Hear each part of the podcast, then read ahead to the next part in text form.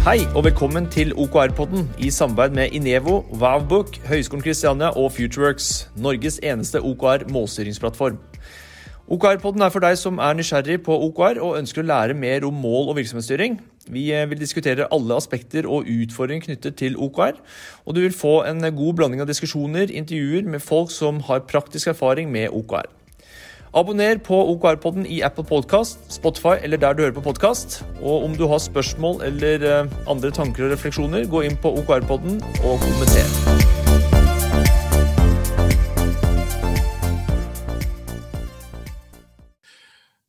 Velkommen til OKR-podden. OKR-en for deg som er interessert i eh, OKR og målstyring. Mitt navn er Carl Philip Lund. Jeg jobber i Nevo og på Høgskolen Kristiania. Som vanlig så har jeg med meg Kim Lennon fra Futureworks. Og i dag har vi besøk av Ingrid Stenstavold Ross. Ja. Som er generalsekretær i Kreftforeningen. Veldig hyggelig å være her. Veldig hyggelig å ha deg på besøk. Eh, vi kjører rett på med en gang. Hvordan, eh, eller Fortell litt om Kreftforeningen og deg selv. Eh, ja, skal jeg begynne med meg selv? Ja. Jeg eh, har vært generalsekretær i Kreftforeningen siden mars 2020. Egentlig bare i pandemitid. Men eh, jeg hadde allerede da noen års fartstid. Jeg var en intern eh, kandidat til denne stillingen. Så jeg jobbet i Kreftforeningen i åtte år. og ledet kommunikasjonsavdelingen vår før jeg ble generalsekretær.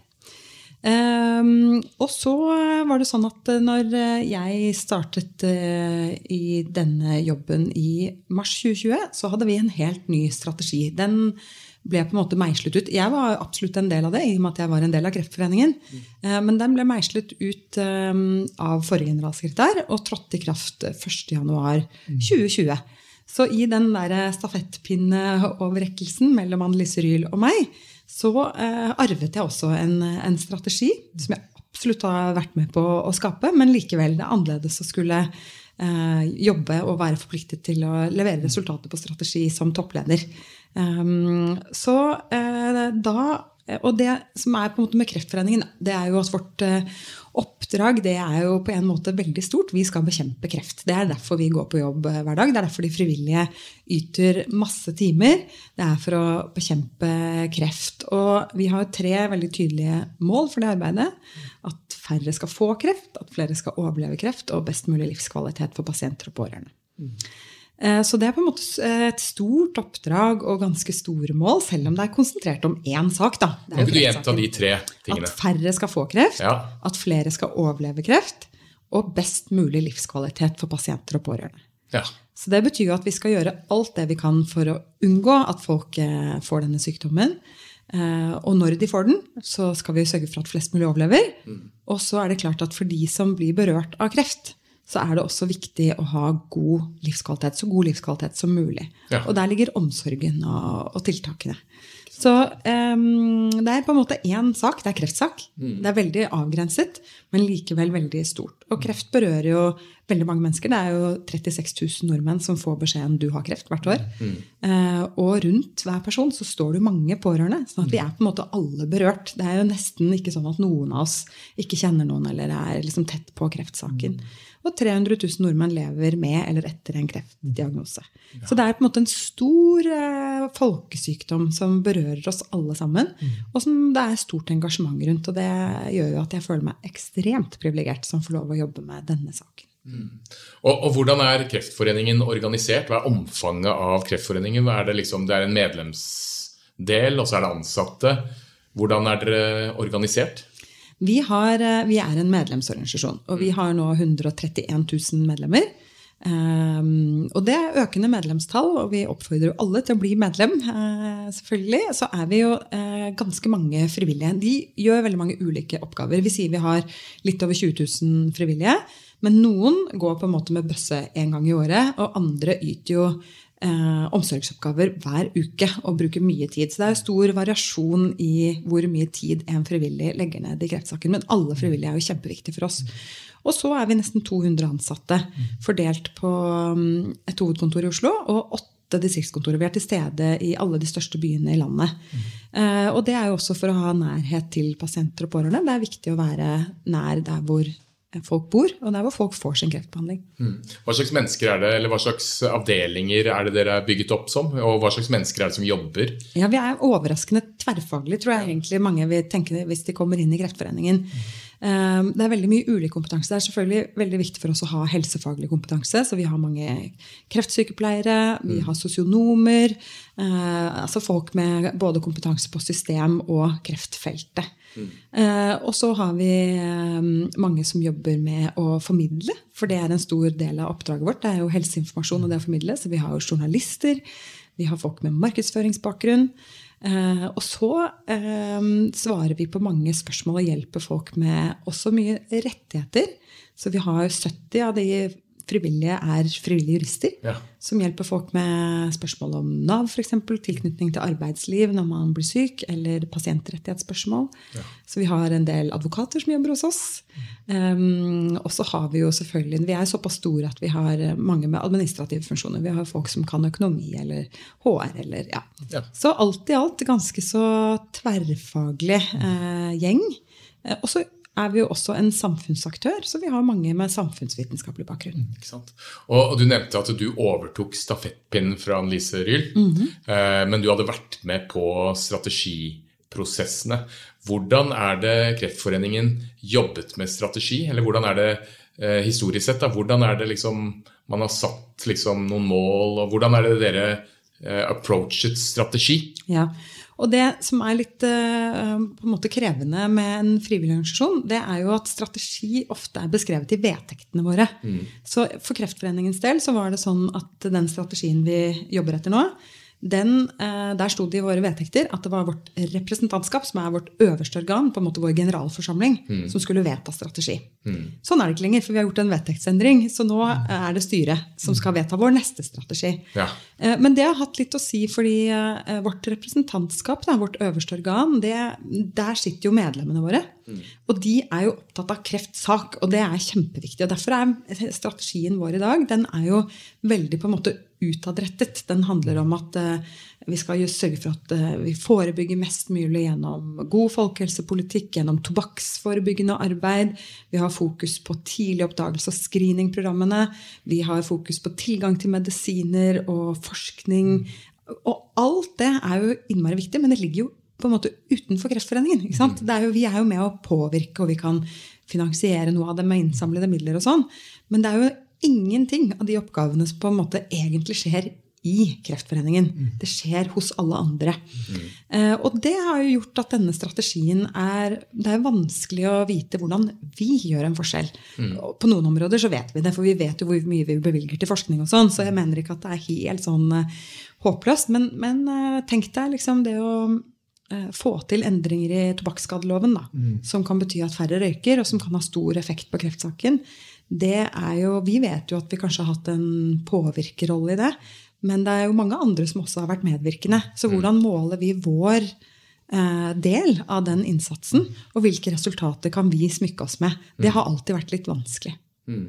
Det er jo en veldig sånn langsiktig ikke sant, utrydde eller bekjempe kreft.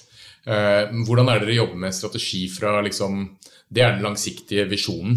Men hvordan eh, operasjonaliserer dere det?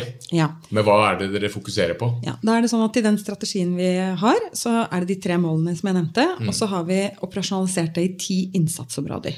Og de strekker seg fra eh, folkehelse og forebygging og helt inn i, måte, i døden. I det å ha et god palliativt eh, løp og det å unngå overbehandling i livets siste fase. Og mellom der så ligger liksom alle de viktigste innsatsområdene for at færre skal få og flere skal overleve og best mulig livskvalitet. Um, men de innsatsområdene er jo store i seg selv. Ta en sånn ting som um, tilgang til eh, presisjonsmedisin, som er kjempeviktig for oss. Det er liksom morgendagens kreftbehandling. Eh, det er et enormt stort felt. Det er jo på en måte hele eh, helseforvaltningens eh, prioriteringer. Prioriter hvem skal få hvilken behandling, og hvilken pris er vi villige til å bruke på kreftbehandling. Eh, det handler om mange av lovene våre, altså pasientrettighetslover og sant, den type ting. Og det handler selvfølgelig om forskningsinnsats. Det å hele tiden bidra til at uh, vi vet hva som er uh, de neste mulighetene. Så bare det ene av de ti innsatsområdene er liksom superbredt. Mm. Og det vi gjorde, da, det var at på hvert av de ti innsatsområdene så lagde vi målkort. Mm. Hvor vi liksom operasjonaliserte. Ok, dette er de viktigste. For hvis vi skal lykkes med Eh, innføring av eh, presisjonsmedisin og tilgang til behandling, da hadde vi liksom et målkort som, som satte opp masse, masse, masse, masse tiltak. Og så visste vi at i løpet av fire år, da, for det er fire års strategiperiode, mm. så må vi jobbe med disse tiltakene. Der begynte vi. Mm. Hvem var det som fasiliterte den prosessen?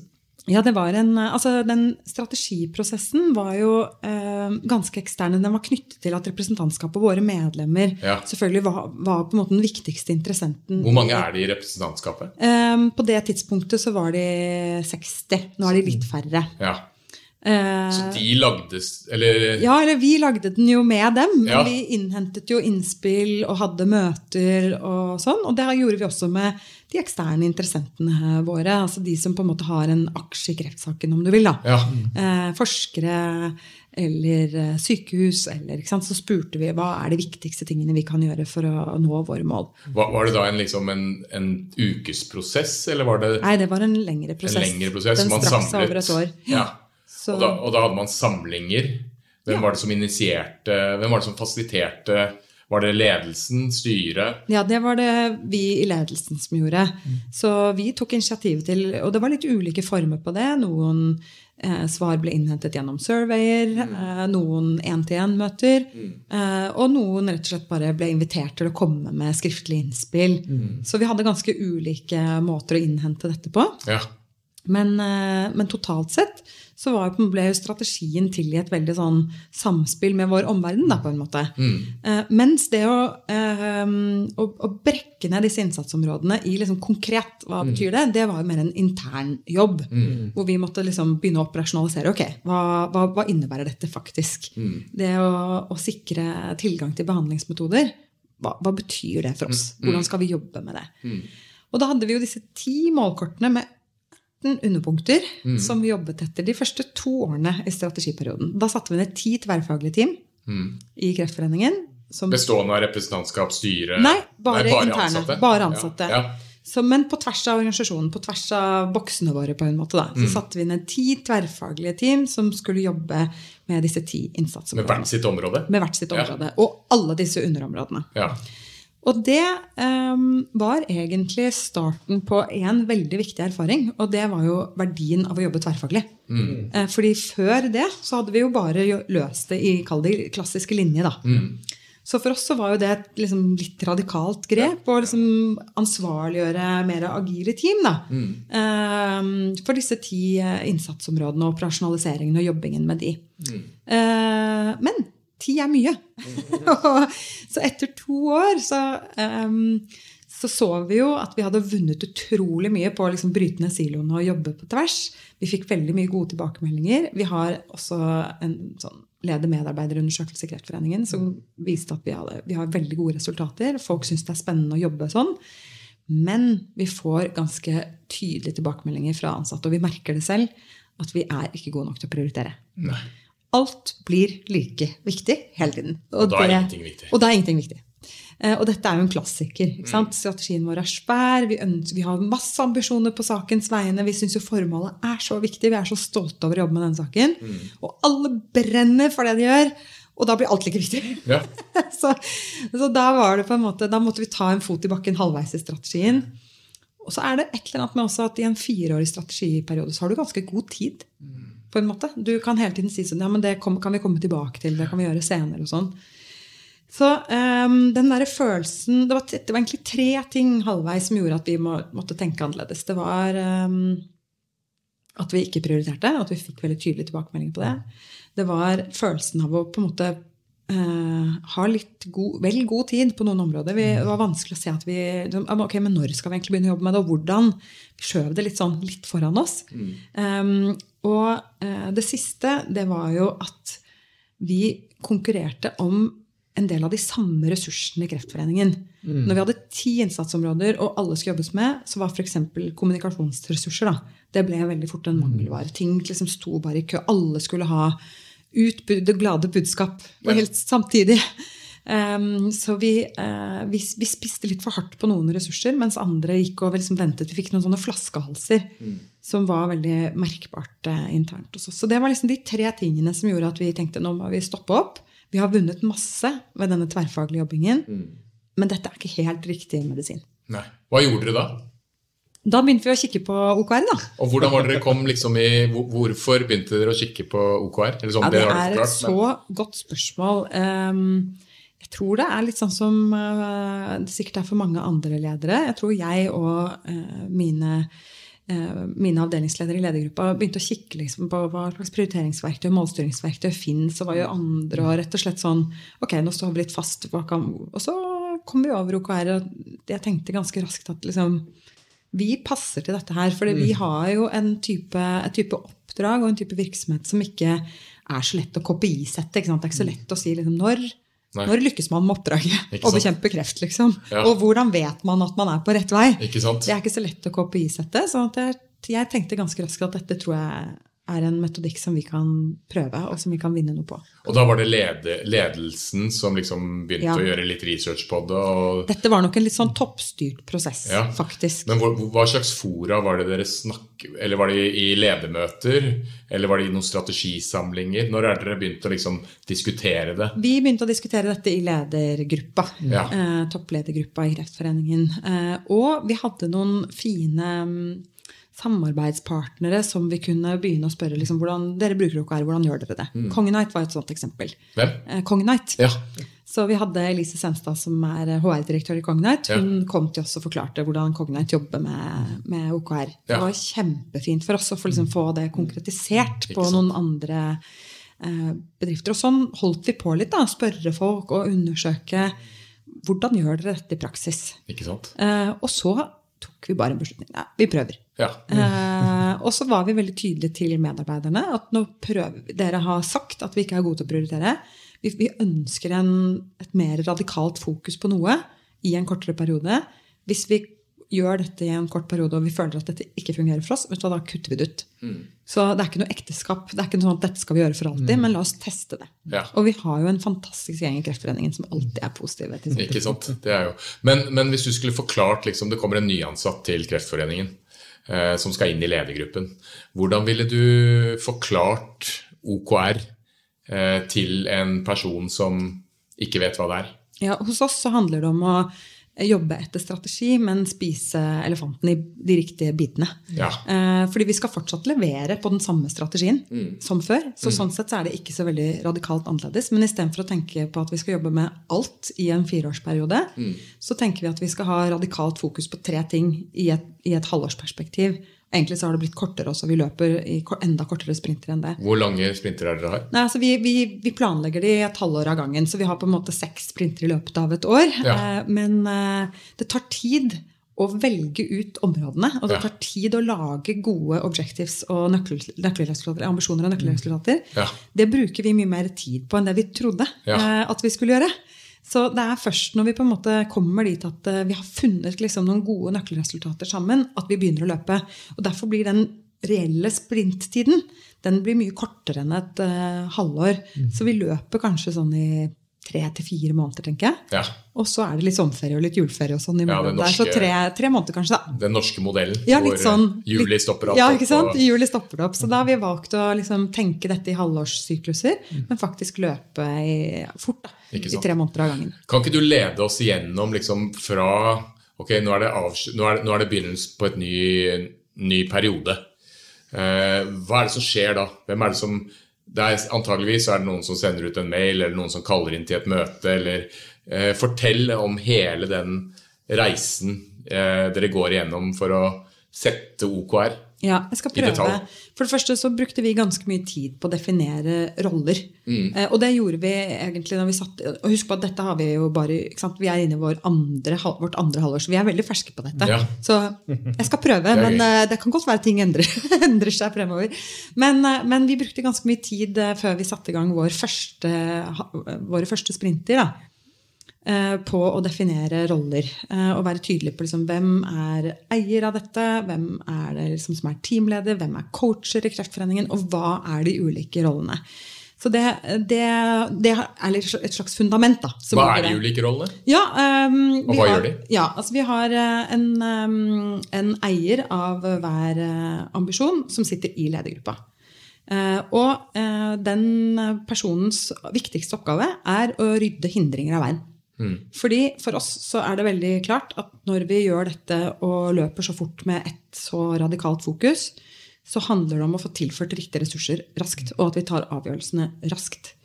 Eh, Så den viktigste oppgaven til eh, eieren av ambisjonen, det er rett og slett å bare rydde. Eh, Fjerne hindringer. Fjerne hindringer. Ja. Eh, Sånn at teamet kan jobbe mest mulig uforstyrret og best mulig i den tiden de jobber. Eh, Og så har vi jo en, eh, en leder av eh, Altså en type teamleder da, for eh, teamet som skal jobbe med sprinten.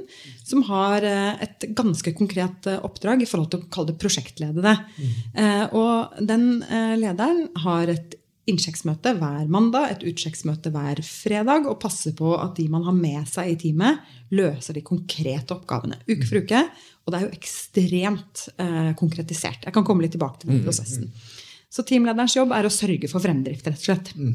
En tidtake, eller eh, nesten sånn checkpoint. Ja, Sørge for at eh, folk, eller prosessen Går sånn som den skal, Ja. og at folk leverer det de skal, og Ja. at man melder fra til eh, den som, den som sitter i ledergruppa da, og er ambisjonseier, Ja. om ting ikke går som det skal. Sånn at vi får ryddet ting raskt av Mm. veien og har den fremdriften. Så vi liksom maksimerer sjansen for å lykkes. da, rett og slett. Mm. Eh, Og så har vi coacher, ehm, og de skal bare egentlig passe på å minne hele teamet. Og det høres jo helt banalt ut, men det er også så viktig. Minne oss på metodikken. Fordi eh, det er veldig fristende å gjøre andre tiltak enn det som på en måte er knyttet til nøkkelresultatet. Og i hvert fall for en gjeng som Kreftforeningen, som på en måte brenner sånn for saken. Så er det så lett å putte på litt mer. Og liksom, å, vi gjør dette også, og det òg. Og så trenger man noen som sier, men folkens, løser det nøkkelresultatet ditt? Er det metodikken? Er det det du skal gjøre nå? Eh, nei, det er det kanskje ikke. Nei. da gjør vi det ikke nå. Uh, da skal du ut. Så ja. det å ha noen som hele tiden passer på at uh, vi jobber i tråd med denne metodikken, det har vært helt avgjørende. Ellers hadde vi sklidd ut for lengst. Det handler om engasjement, da. Det der støtter jeg 100% Det å ha folk som faktisk driver prosessen OKR i organisasjonen, er helt avgjørende for å virkelig få fart på det, og ikke minst iterere det mens dere beveger dere rundt. fordi Fra periode til periode så kan dere gjøre justeringer. Og det er, støtter deg 100 det. Ja, Men Kan ikke du ta, én en ambisjon, da? Som f.eks. nå har, Når er dere begynner neste periode? Eller når ja dere, den er i gang nå, da. så dere har, dere har begynt en periode? Ja, vi har begynt en periode Ja. i høst. Kan ikke du ta, ta oss gjennom liksom det konkrete rundt da man satte Ta ett eksempel med en av Ja, jeg, kan, ambisjonene, for jeg kan ta et eksempel fra våren, for da Ja. kan vi liksom ta det Ja. fra start til Ja. slutt. Men jeg nevnte jo at et av våre innsatsområder er dette med tilgang til behandlingsmetoder. Mm.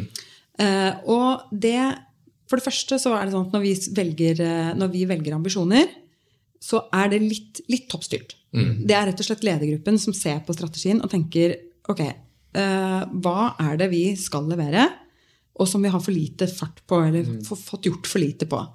Og så eh, spør vi oss hva har momentum nå? Altså hva er det i tiden eller ved oss som gjør at vi øker sannsynligheten for å lykkes med dette akkurat nå?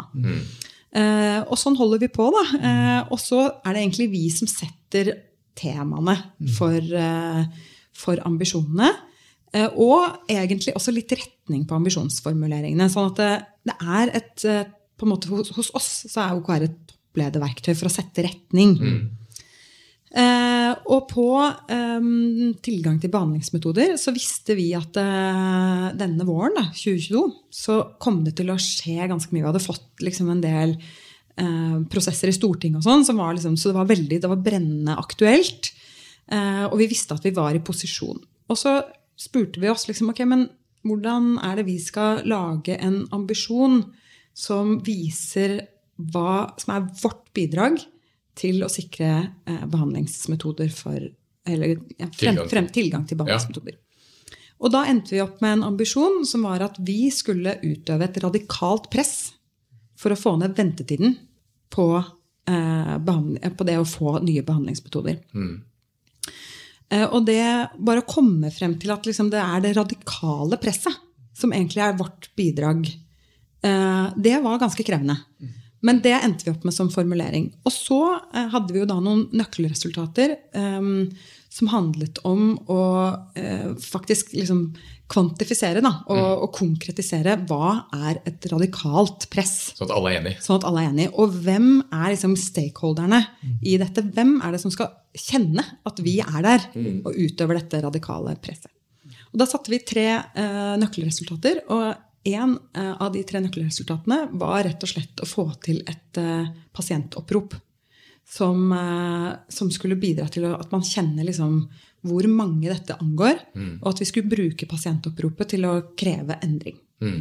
Eh, og da, da gjorde vi det. Sammen med mange andre laget vi et pasientopprop. Og eh, endte med eh, 102 000 signaturer. Eh, og vi hadde noen sånn tiltak og noen mål på tiltaksnivå her som også var sånn Vi hadde som et tiltak var å komme på debatten. Vi, hvis vi liksom gjør dette skikkelig, og det blir liksom masse volum rundt dette, så må det være mulig å komme på debatten. Og det Debatten på TV 2 eller ja, på NRK. Okay, på NRK, ja. Fredrik Solvangs Debatten. Ja. Det var liksom en sånn ønskedrøm, da. Ja. Og det klarte vi. Og der er du, enten så er du der, eller så er du ikke der. Ja, og det sier noe også om eh, hvordan det berører, ikke sant? og Mm. hvor stor og viktig sak eh, det er. og sånn. Så vi hadde noen sånne, noen sånne måte, tiltak som vi ønsket oss da, å få til. Var det et nøkkelresultat? Det var, ikke et, det var ikke et nøkkelresultat, det var egentlig et tiltak under det å liksom bruke kraften i, i et pasientopprop Ja. til å få til endring. Ja. Og det klarte vi. Så vi var på debatten. Eller jeg var på debatten. Så. Eh, det, så det var kjempegøy. Og vi fikk de, alle disse signaturene, og vi fikk overlevert eh, de til helseministeren. Eh, og eh, det førte til et helt annet fokus på hvorfor vi bruker så lang tid på å sikre tilgang til nye behandlingsmetoder. Og de dialogene har vi fortsatt om tidsbruk. Ja. Eh, selv det- om sprinten er avsluttet. Så dere hadde antall opprop, eller Ja. antall signaturer. Hva var de andre nøkkelresultatene dere hadde på det Ja. radikalt, utøvere radikalt, radikalt press? press, så var det å bruke kraften i, um, i det at vi er brukermedvirkere. Vi har veldig mange som sitter som brukermedvirkere i systemet, som sitter inne i helseforetak og sånn. Og det å lage et rigg for hvordan brukerstemmen blir en én felles kraftig stemme, det var et annet nøkkelresultat. Å lage det rigget. Og det tredje det var faktisk rettet mot legemiddelindustrien, for de setter jo prisene. Så vi tenkte at her kan vi ikke bare ha tiltak som handler om myndighetene og hvordan de sikrer tilgang. Legemiddelindustrien har også et ansvar her. Eh, Og da knyttet vi det opp til et eh, litt sånn større seminar som skulle være i Oslo denne våren.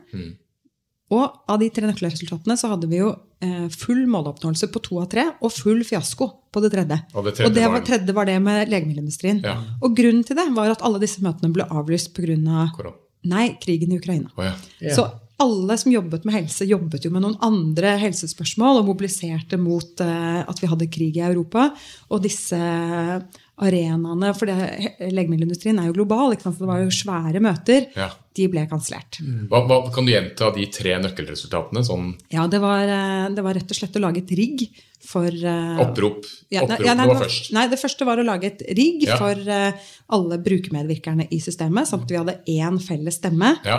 til å påvirke. Det Ja. andre var å lage et pasientopprop Ja. som skulle føre til uh, at man kjente på at eh, her er det mange. Ja. Eh, mye makt bak kravet. Ja. Og det tredje var å prøve å, eh, å rett og slett eh, få legemiddelindustrien til å selv jobbe med, med spørsmål om tilgang. Da. Ja. Hvor, hvordan er det man eh, gjør det? Ja, eh, under de nøkkelresultatene så listet jo teamet opp masse tiltak. Ja. Og da var jeg innom f.eks. dette med pasientoppropet. Så var det det å lage oppropet, Ja. få eh, rekkevidde utover for dette. Dette med tilgang til medisiner det er ikke det egentlig kreftspesifikt. Det gjelder jo veldig mange pasientorganisasjoner. Mm, Så det å liksom få med seg pasientorganisasjonene. Um, det å liksom favne bredt og begynne å dele og få liksom traction på temaet.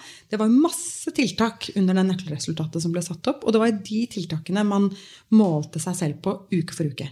Har vi laget oppropet? Hvor mange samarbeidspartnere har vi med? Hvor mange signerer til enhver tid? Hvor, hvilke medieoppslag får vi på dette? Liksom, og så videre, og så videre, og så videre. Masse, masse, masse tiltak. Og det var jo når eh, teamet sjekket inn på mandag, så var det ok, hvilke tiltak jobber vi med denne uken? Hvem gjør hva?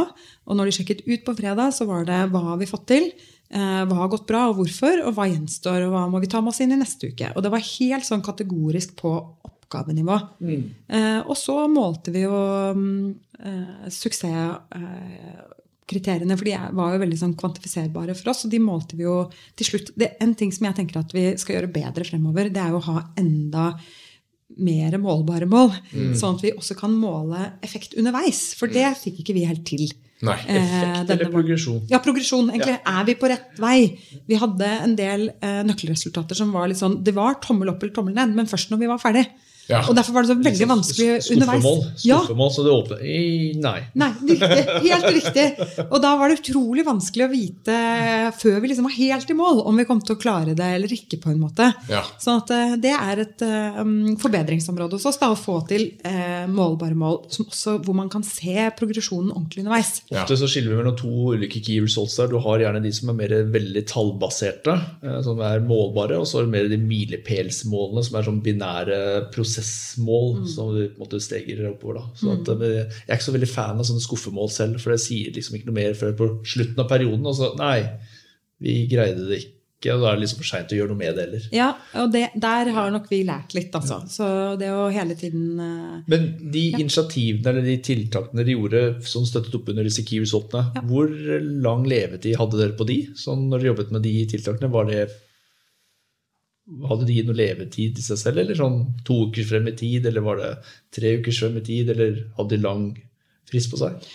Eh, De tiltakene var egentlig aldri oppe i ledergruppa. eh, Nei. Fordi det var det fri, den friheten som teamet hadde. Så svaret på det er at teamet satte tiltak Ja. akkurat sånn som de mente var best. Eh, Og vår jobb var bare å støtte opp. Og og fjerne hindringer. Og fjerne Ja. Ja. Så vi satte ikke noe sånn tidslimit på Nei. tiltak. Nei. Noen kunne løpe over litt lengre tid, noen var veldig kortvarige tiltak. Ja. Eh, Men poenget var å la denne tverrfag... Husk på, det er jo superkompetente folk som sitter tverrfaglig og tenker liksom, hvordan kan vi få maks ut av eh, dette nøkkelresultatet. Ja. Eh, Og de er jo mye bedre egnet enn, i hvert fall enn meg til å definere tiltak. Ja, Jeg, lik, jeg liker den derre jeg, jeg vil ha det veldig enkelt. Så, så jeg liker den der Christina Wotke-modellen, hvor, hun, eh, hvor du hver uke sier noe om sannsynligheten for at du kommer til å, å, å nå eh, nøkkelresultatet ved periodens slutt. For da har du liksom Det er seks av ti, syv av ti, åtte av ti, og så plutselig går det ned til fire av ti hvis det er noen store hindringer. Sånn at du så du får den derre Det syns jeg er den enkleste måten å gjøre det på. Men det, da måler du også progresjon. Ikke sant? Ja, ja. Går vi fremover, går vi bakover? Så Ja. det er bare, jeg tror at det er viktig er bare det å, det å på en måte se progresjon og ikke gå for den enkle løsningen hvor du har liksom ja-nei-mål. For det er, det er veldig lett å på en måte gå i den, den liksom fella der. Eh, Og da, det, det gir oss ikke noe, ingen i selskapet eller organisasjonen. Det gir ikke noe verdi. Og det, vi får i teamet heller eller i ledergruppa, så er det heller ikke noe sånn ja, Er vi på rett vei, eller hva er vi her for noe? Og så sier en eller annen person og sier, at ja, vi er, ja, vi er på god vei. Ok, hva, bet, hva betyr det egentlig? Ja. Så Ja det, er, ja, det er liksom når du sitter og kjører en bil, Ja. og du skal nordover. Det er liksom, du må bare vite om du er på riktig vei. ja. Uh, Du trenger ikke å vite nøyaktig hvor langt du har kommet eller hvor fort du kjører. Det er bare er vi på riktig vei. Så, men eh, disse ukentlige møtene, er det standardisert eh, liksom strukturen på et sånn check-in-møte? og Dere hadde ett møte på mandager og på fredager. Fortell litt, Er det standardisert Ja. på tvers av alle timene? Og Ja. hvordan er standarden på de møtene? Ja, Det var litt uh, uvant, rett og slett. Fordi uh, det er jo kjempeflinke kunnskapsmedarbeidere i Kreftforeningen. Og det å liksom skulle tvinges inn i en sånn mal, det, det stritter folk litt sånn Mm. Ja, ja. mot. Altså, skal jeg måte. tvinges til å ha ett møte mandag, ett møte fredag? Hva er formålet med det? Liksom? Du Ja. får jo alle de spørsmålene. Ja, ja. Møte Men, ja, hva, ja, ikke sant? Hvorfor og sånn. Ja, enda et møte. Ja, Og det kan jeg veldig godt forstå, men vi valgte faktisk å ta den approachen at dette er en metodikk. Og hvis vi skal finne ut av om dette er noe for oss, så må vi være litt tro mot metodikken. Og metodikken er jo på en måte veldig tydelig på eh, at man skal være oppgavefokusert og sørge for at man har fremdrift. Og det er liksom anbefalt å ha disse check-in-møtene. De kan jo gjøres ulikt, selvfølgelig, men at man i hvert fall har en møtestruktur som gjør at man eh, sjekker ut oppgavene løpende. da. Eh, og da valgte vi den formen med mandags- og fredagsmøter. Likt for alle, og alle måtte. Og så var det jo heldigvis sånn at det var noe av det som eh, teamene satte mest pris på. Det gikk veldig fort. eh, Fra skepsis til liksom, ja, men dette funker. Eh, så Hvor, hvor, hvor, eh, hvorfor det? jeg, tror det jeg tror det handler om det radikale oppgavefokuset. Og der, jeg var litt innom det i sted, men Coachene hadde jo en veldig viktig rolle i liksom, å holde folk på den rette stien. ikke sant? Eh, sånn at eh, jeg tror, jeg tror alle så at eh, hvis det faktisk skal være radikalt fokus, da må vi være tro da, mot det å løse de tiltakene som kan sikre måloppnåelse på nøkkelresultat og på ambisjon. Um, og det var veldig mange krevende diskusjoner på men skal dette inn, skal dette ut, er dette et godt tiltak, er det ikke et godt tiltak? Og sånn. Og det å ha de, de møtepunktene hvor man setter kurs og faktisk jobber seg gjennom, det hadde, vant vi veldig mye på. øker, gra, eh, øker enormt bevissthet rundt hva som er viktig for oss nå. Som eh, Veldig. både team og ikke minst for organisasjonen også. Veldig. Og fokus på leveranser. Yes. Ikke sant? Så det var jo ikke sånne møter hvor det var liksom freeridere som satt og mente mye. og sånn. Det, var det er jo arbeidsmøter. Ja. Du har fokus på oppgaver og leveranser. Hvor, hvor mange Eller fortell om liksom møt, Hvordan er møtet? Og jeg har ikke aldri vært på et, så jeg vet jo ikke. ja, dette vet jeg ikke. Jeg sitter jo i en helt annen Min rolle er jo topplederrollen. Ja. Eh, og et viktig prinsipp for meg er jo å faktisk gi teamene frihet. Ja. Så jeg blander meg jo null i disse møtene og har aldri vært med på et møte. Så jeg vet ikke i praksis, men vi brukte jo eh, Planner som verktøy, så de hadde jo et planleggingsverktøy. Og her finnes det jo masse ulike verktøy man kan bruke.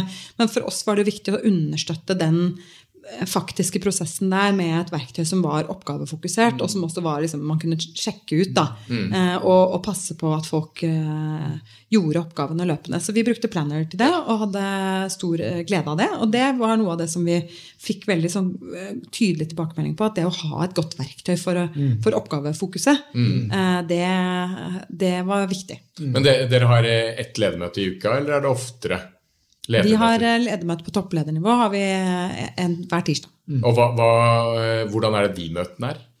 Og hvordan De- får dere liksom input fra Ja, altså vi, i, I forhold til det å velge ambisjoner, så har jo vi en formening om hvor, liksom, hva, hvor i strategien er det vi må ha fokus. Men i tillegg så har vi jo et, en innspillsrunde hvor organisasjonen kan spille inn. For vi syns også det er kjempeviktig at folk kan ta initiativ til eh, temaer. Sånn at i begynnelsen så har ledergruppen ganske mye jobb med å sette liksom, temaer og ambisjoner.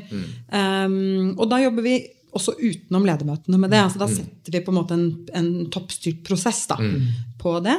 Men når, eh, Og så bruker vi jo tid på å avklare ressurser, selvfølgelig. Det er alltid krevende. Hvem skal gå ut av sine normale oppgaver og inn i sprint? Mm. og hvordan settes de sammen tverrfaglig? Hvordan får vi de beste teamene og sånn? Mm. eh, men når det er gjort, og teamene begynner å jobbe, da kommer egentlig bare teamledere inn i ledergruppa to ganger gjør vi denne høsten her. En gang midtveis. eh, Og en gang til slutt. Og så er det jo den i ledergruppa som har ansvar for ambisjonen, som bare rydder underveis. Så hvis det er et eller annet som man trenger å diskutere i ledergruppa, så tar jo vedkommende det, det opp. Men vi eh, prøver å ikke gå så mye i veien. Nei. Fordi folk må få jobbe. Ja. Eh, sånn at når vi på en måte har gjort vårt, så er det litt sånn hands off. da. Ikke sant? Men ser, ser dere noe til eh, OKR-rapporteringene i Ja, ledermøtene? det gjør vi, og gjør det- dere det i møtene, eller er det liksom noe som skjer eh, dere, har for, dere har sett på forhånd, på en måte? Ja, eh, og ja, En av de tingene som står veldig høyt på min ønskeliste, det er jo liksom virksomhetsstyringsverktøy av typen dashbord. Ja. Det er sånn, det er ønskedrøm. Ja. Det har ikke vi i Kreftforeningen. Nei. Sånn at eh, det blir på en måte litt sånn at hver eh, ambisjonseier da, rapporterer løpende på hvordan det står til, og sånn når det er behov for det. Ja. Eh, men eh, men eh, vi har veldig stor grad av tillit, altså. Og det er det grunn til å ha. Fordi, Det må man jo ha. I... Så Men lukk øynene og beskriv det dashbordet for meg. Eh, jeg tror eh, når vi kommer dit at nøkkelresultatene er sånn som vi snakket om i sted, mulig å måle underveis, så ønsker jeg meg rett og slett et, bare et enkelt dashbord hvor man ser om pilen peker riktig vei Ja. på nøkkelresultatene. Og da har vi jo tre ambisjoner med tre nøkkelresultater på hver ambisjon. Ja. Så det blir jo et dashbord med ni da, piler Ja. på en måte. Det er en pyramide på en måte, Ja. med, med objectives og key results og piler, grønne piler som peker riktig retning, eller eh, Ja. Det er ikke det at det er helt avgjørende. Det går fint uten nå. Ja, ja. Men det hadde jo vært kjempegøy å følge dette fra uke til uke. selvfølgelig. Men så må man sitte på hendene sine, for det er ikke din jobb å intervenere hvis, som, hvis pilene peker eh, sideveis eller nedover. Nei, men Da er det man- greit å vite hvor de pilene peker nedover, Ja. så at den i ledergruppen som er ansvarlig for å fjerne hindringer, går Kan inn gjøre der og sier 'jeg ser at pilen peker nedover', hva, Hva kan, kan jeg hjelpe med? Hvordan kan jeg bidra? Helt riktig. Så kanskje vi hadde klart å gjøre det enda litt fortere. Ja, ja. Det er eh, utrolig interessant. Hva gjør dere? Hva, dere hadde to møter. Det er mange som har i teamene. Da. Nå er det ikke sikkert at du vet det, men eh, mandags, ti, mandagsmøtene, den der første, hva, hva er forskjellen på de to møtene som dere sa at alle måtte ha? Eh, timene, de eh, viktigste forskjellene er jo at mandagsmøtet er et planleggingsmøte fremover. Ja. Og fredagsmøtet er eh, mer et evaluerings- og læringsmøte. Altså hva fikk vi til, hvorfor Ja. fikk vi det til, og hva er det vi ikke fikk til, og hvorfor fikk vi det ikke til. Ikke? Eh, så, så mandagen er fremoverskuende, og fredagen er litt bakoverskuende. Ja. Um, og det, begge deler er viktig, for vi har jo også tatt mål av å faktisk skrive ned læringspunkter underveis. da. I og med at dette er nytt for oss, så er vi nødt til å se liksom, hva, For det er fort gjort å glemme hva det var som butta, hvorfor det butta underveis. Og sånn, sånn at vi har på en måte driver med sånn prosessevaluering, og da er det nyttig å innhente disse Mm. læringene da, som skjer underveis. Hvordan er dere sikre læring på tvers av teamene? Fordi har- alle har jo forskjellige erfaringer. og så hvordan, Uten at det skal bli sånn tidstyv, på en måte, med Ja. kunnskapsdeling. Hvordan er det dere sikrer Vi, vi kunne sikkert gjort det enda bedre også, men teamlederne har veldig god dialog seg imellom. Mm. Og coachene har god dialog seg imellom. Og det er jo ikke så mange aktører, Mm. det er lett å få til arenaer for det. Men så har vi valgt å ha fokus på evaluering i teamene, Mm. både underveis og til slutt. Vi har kjørt eh, spørreundersøkelse i organisasjonen, for det er en utfordring med OKR som jeg tror mange kjenner seg igjen. Det er litt den der A- og B-lagsfølelsen. At de som sitter i, i team og i sprint, de får så mye fokus. Og, men hva med alle de andre, da? For det er masse andre oppgaver vi løser òg. Ja, ja. Så det å på en måte hele tiden avstemme med organisasjonen, ikke sant? klarer man å eh, engasjere seg i dette? Eh, Kjenner man på liksom, stolthet og glede, eller er det sånn frustrasjon eller misunnelse? Eller hva, hvordan ser dette ut i organisasjonen? Det må vi også måle. Hvordan har dere løst det? Vi har kjørt evaluering i eh, altså Nå har vi jo Keep in mind, da. Vi har bare gjort det én gang. Ja. Eh, Men eh, vi kjørte en evaluering i organisasjonen som, hvor vi spurte folk om hvilket altså Har du hatt noen konkrete bidrag inn? Eh, Og det var jo overraskende mange som hadde det. Alt fra liksom å skynde seg med å Altså, En regnskapsmedarbeider hos oss som skyndte seg å betale for et domenenavn. Som var liksom helt key for at de kunne bygge dette oppropet. da.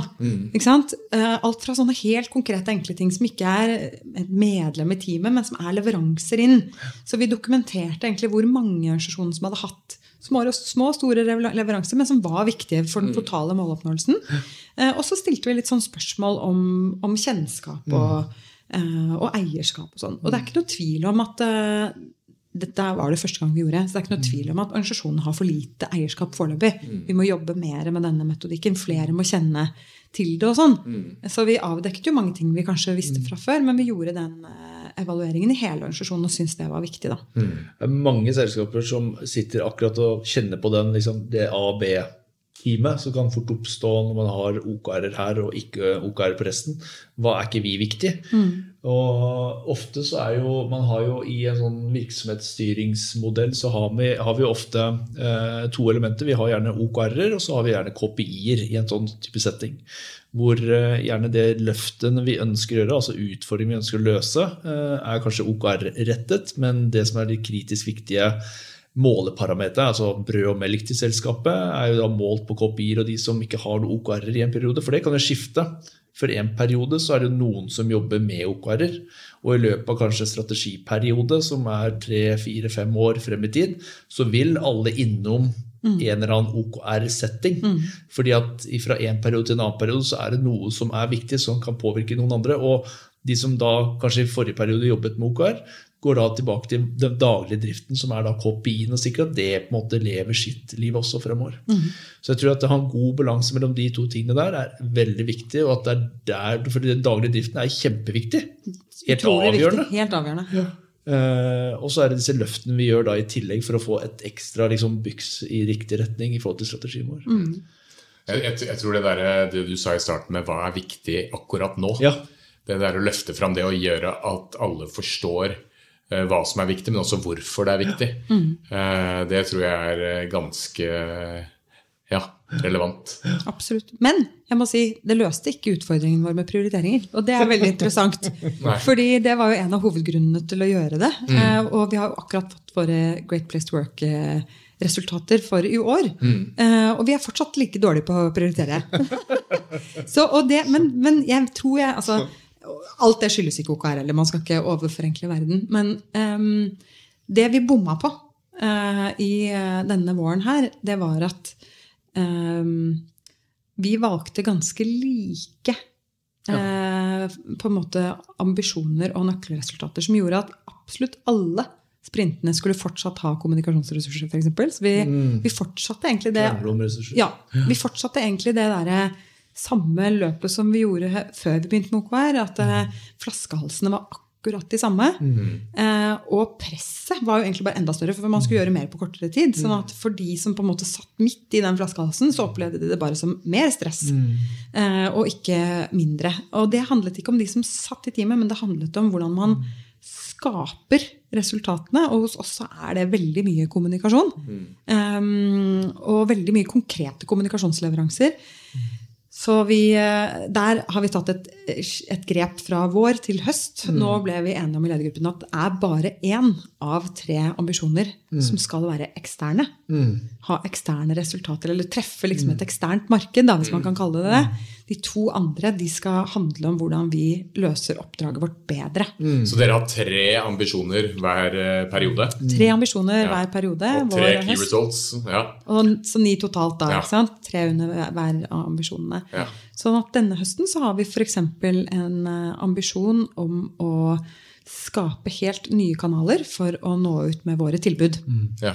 Eh, og det er mer en sånn innovasjons-OKR, på en måte. ja. Altså Der skal vi klare å innovere noe nytt. ja. Og skape noe nytt. Eh, og det har vi ikke gjort før. Så da blir det veldig spennende å se hvordan metodikken fungerer mer i et sånt innovasjonsperspektiv enn i et uh, utadretta perspektiv. Og, og det er jo litt sånn det du sa i starten, at det er toppstyrt. Mm. I organisasjoner hvor du har ekstremt behov for innovasjon, så nytter det ikke å være toppstyrt. Nei. Da må du jo snu om og få ideene fra overalt, egentlig. Så det er jo Så vi er kanskje på, litt på vei, da. Og det er, jo, det er jo noe som jeg kanskje tror at OKR i Kreftforeningen begynte og er fortsatt et uh, topplederverktøy for å realisere strategi.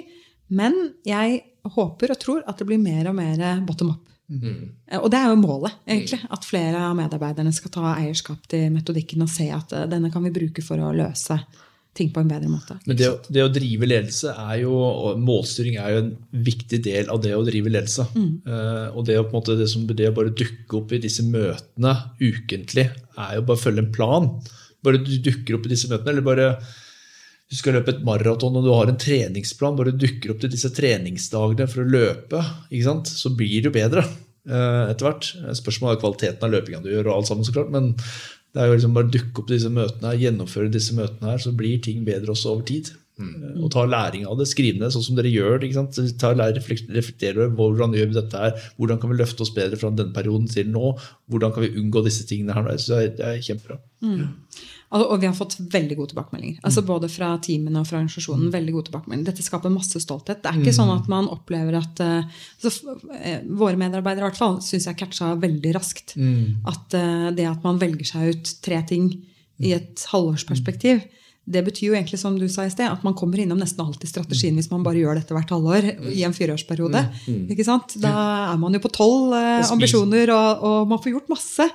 Men det er bare et, et annet tidsintervall. da. Spiser den elefanten bit for bit. Ja, du gjør det, ikke sant? Helt riktig. Så, og det syns jeg folk forsto veldig raskt. Sånn at det, det fungerte kjempebra. Og eh, det å jobbe enda mer målrettet med hvordan vi gjør en forskjell, og hvilke tiltak vi kan, hvordan, liksom, hvilke tiltak er det vi rår over, da. Eh, det har også skapt eh, engasjement og kreativitet og fantastiske resultater. Så vi er jo veldig fornøyd. Men eh, det er også bare å være helt ærlig på at eh, vi sliter fortsatt med prioriteringer. Ja, det er jo Vi gjør det, altså. Men det vil jo alltid være, være sånn, på en måte. Det er tøft. Men, men det jeg liker med, liker med OKR, da, det er at eh, man kan ha en prosess. Og så sier organisasjonen, Kreftforeningen sier at eh, akkurat nå så er dette viktig for Kreftforeningen.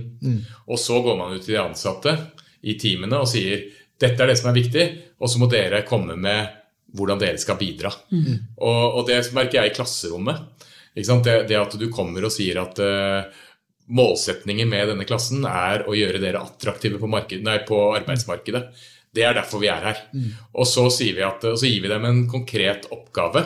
Dere skal i løpet av to måneder skal dere sette opp en nettbutikk som skal generere som skal, Dere kan velge hva dere vil og selge hva dere vil, men det er liksom rammen.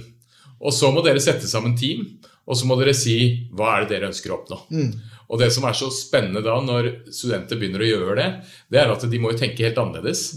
Fordi ok, hva klarer du å gjøre på to måneder? Og hvem skal du være på team med?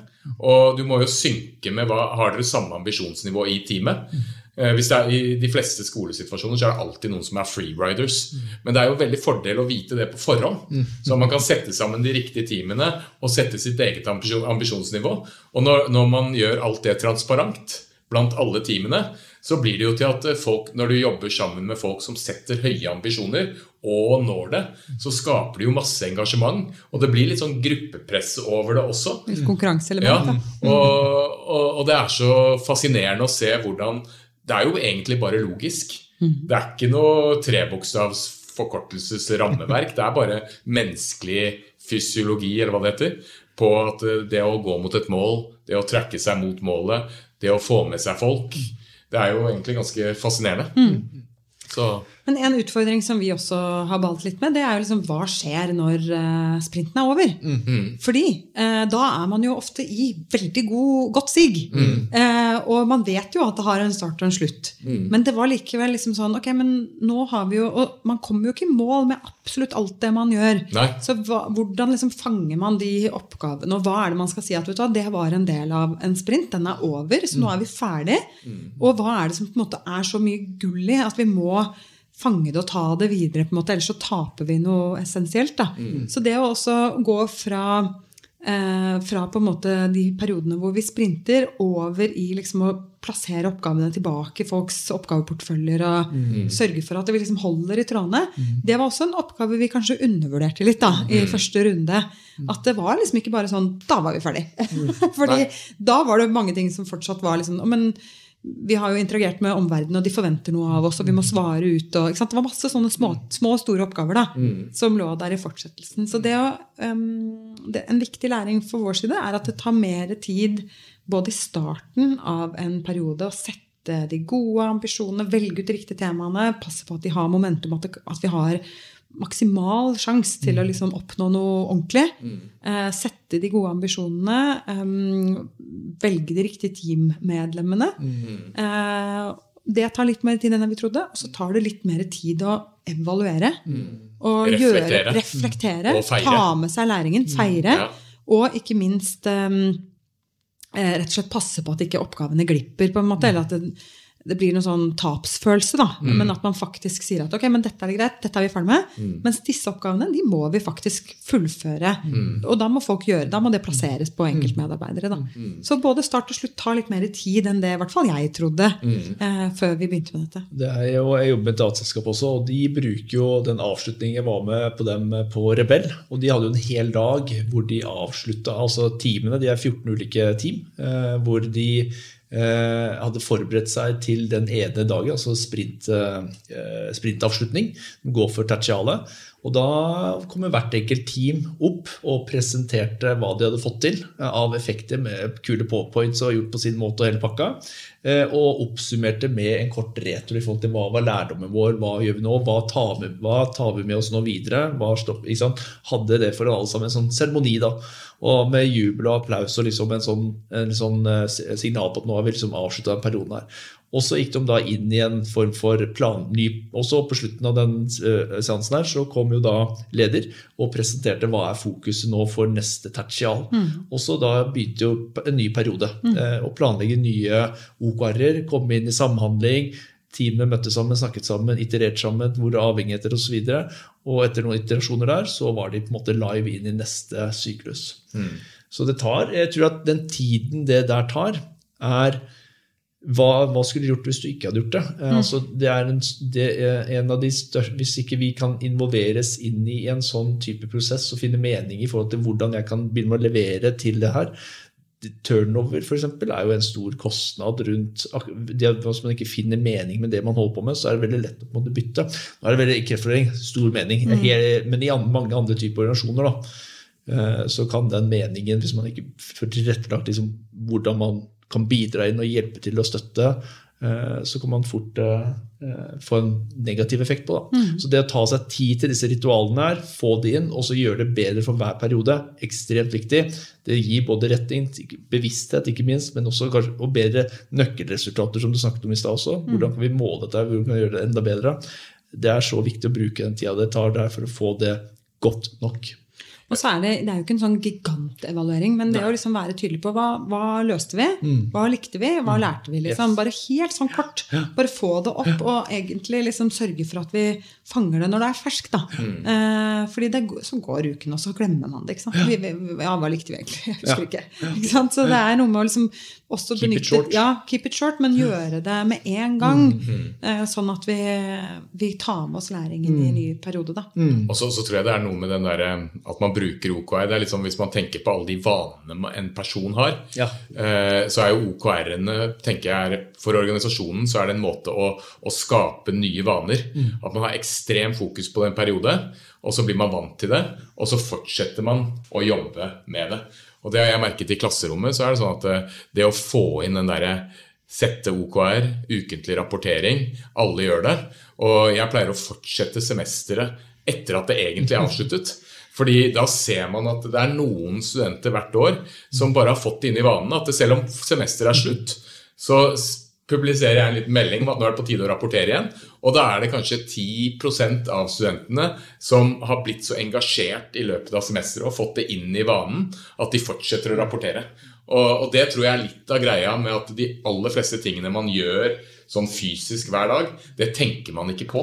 Mm. Det, er liksom, det er vaner, og det tror jeg er, OKR er en fin måte å skape organisasjonsvaner som ja. gjør at man løfter hele selskapet eller organisasjonen. Ref det som du også sa i stad, Ingrid, med tanke på det, disse ukentlige møtene. Mm. Først motstand, men så så folk at det var verdi mm. i å ha disse mandag- og mm. avslutningsmøte.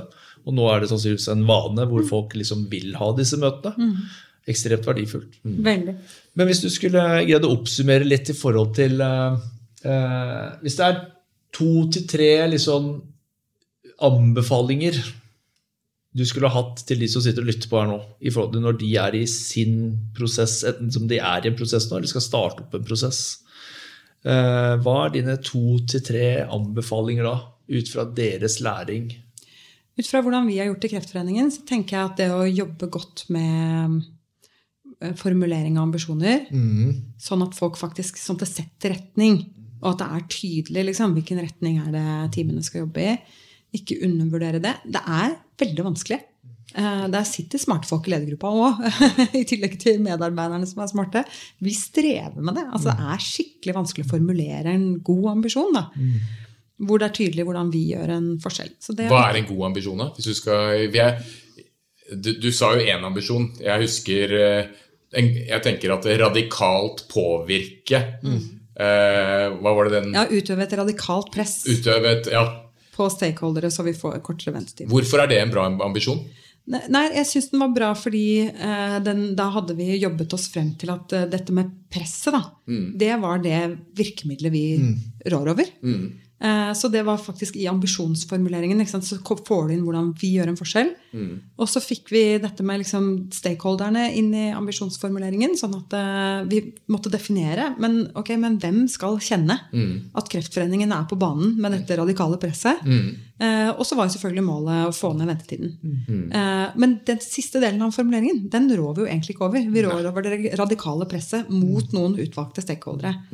Um, og Derfor så syns jeg den ambisjonsformuleringen fungerte ganske bra. Men det tok kjempelang tid å komme frem til den. Um, så, ikke, så mitt råd nummer én er å liksom jobbe ordentlig med ambisjonene. Ja. Uh, Så er uh, mitt råd nummer to faktisk å være litt tro mot metodikken. Folk har gjort dette før. Det funker. Eh, det funker. Um, det, det er selvfølgelig sånn at du må på en måte det, det er jo Kreftforeningen sine OKR-er. Vi må sette vårt preg på det. Men metodikken gjelder å ikke tøyse altfor mye med. Jeg har eh, tro på at rollene skal være tydelig definert. At eh, folk gjør sine Eller utøver sine roller. Eh, og at man eh, følger en metodikk som handler om en møtestruktur og en planlegging av oppgaver som gir resultater. For det er på en måte så enkelt som sant, i forhold til denne maratonmetaforen. Du må møte opp til trening. Og Du må gjøre jobben. Og da må du ha verktøy og systemer som maksimerer sjansen for at alle gjør det. Da. Så litt tro mot metodikken.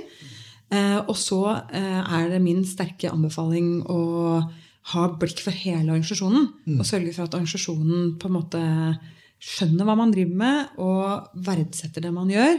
Og er med å feire og får lov å ta del i liksom, resultatoppnåelsen. Fordi når vi bare så i vår da, hvor mange som egentlig leverer noe inn i arbeidet, så er det utrolig mange mennesker. Det er så fort gjort at det bare er noen få som får all praise og all oppmerksomhet. I realiteten så er alle bidrag som på en måte kommer i løpet av en sånn tremånedersperiode, eh, key totalt sett. da, Key for at vi lykkes. Og det var mange flere mennesker som bidro enn det vi trodde. Eh, Så det å ha blikk for hele organisasjonen og passe på at alle på en måte kanskje får en erfaring på en eller annen måte med, med det å jobbe med OKR, da, det er mitt siste råd. Ikke sant? Det er veldig bra. Jeg hadde jo det ene spørsmålet som jeg stilte deg litt før vi trykka på record. Eh, og du har vel kanskje svart på det underveis, men hvordan måler dere suksess i Kreftforeningen? Ja, altså I det store bildet så måler jo vi suksess ved å eh, se på overlevelsestall, f.eks. Så eh, vi i dag overlever tre av fire kreft. Vi vil jo at alle skal overleve. Og vi tror at vi kan nå en fremtid hvor kreft blir en kronisk sykdom. Så vi følger jo den type parametere. Utfordringen er jo at vi ikke vet hvordan vårt bidrag Påvirker det? påvirker det. Nei. Og det er jo her OKR-tenkningen kommer veldig sånn perfekt inn eh, for oss. For da kan vi sette ambisjoner som tydeliggjør vår leveranse. Og vi kan sette nøkkelresultater som gjør at vi kan si ok, dette leverte vi i hvert fall. Dette var i hvert fall vårt bidrag til at flere overlever, f.eks. Sant? Så, um, men det, er, det, det kompliserte og enkle svaret er at vi følger med på statistikk. Kreftstatistikk. Og, og vi følger med på hvordan folk eh, har det. Hva slags livskvalitet de har. Det har vi også data på. Så vi, vi prøver å liksom se at vi beveger oss i riktig retning i forhold til de store målene, som er at færre skal få, og flere skal overleve og sånn. Men i realiteten så må vi eh, utfordre oss selv på å være presise på hvordan vi har bidratt inn i det store bildet. Dette har vært veldig interessant. Eh, Kim pleier å oppsummere, men du har jo egentlig oppsummert. Jeg tror Ingrid har oppsummert ganske Ja. fint. det. Da er det vel egentlig Hvor er det folk kan nå deg, Ingrid, hvis de ønsker å stille deg spørsmål? Du, eh, Terskelen er skikkelig lav. Jeg blir kjempeglad hvis folk tar kontakt. Eh, det kan de gjøre på e-post, f.eks. ingrid.ross.kreftforeningen.no. Ja. eller man kan ringe til Kreftforeningen og be om å få snakke med meg. Men uh, ta gjerne kontakt. Vi, vi deler det vi kan, altså. Fantastisk. Tusen takk. Eller har du noe mer eh, ting? Nei, nå er jeg ferdig. Tusen takk for i dag. Eh, Da ønsker vi bare alle en riktig god dag videre. Ja, Tusen takk for meg. Veldig hyggelig å være invitert. takk.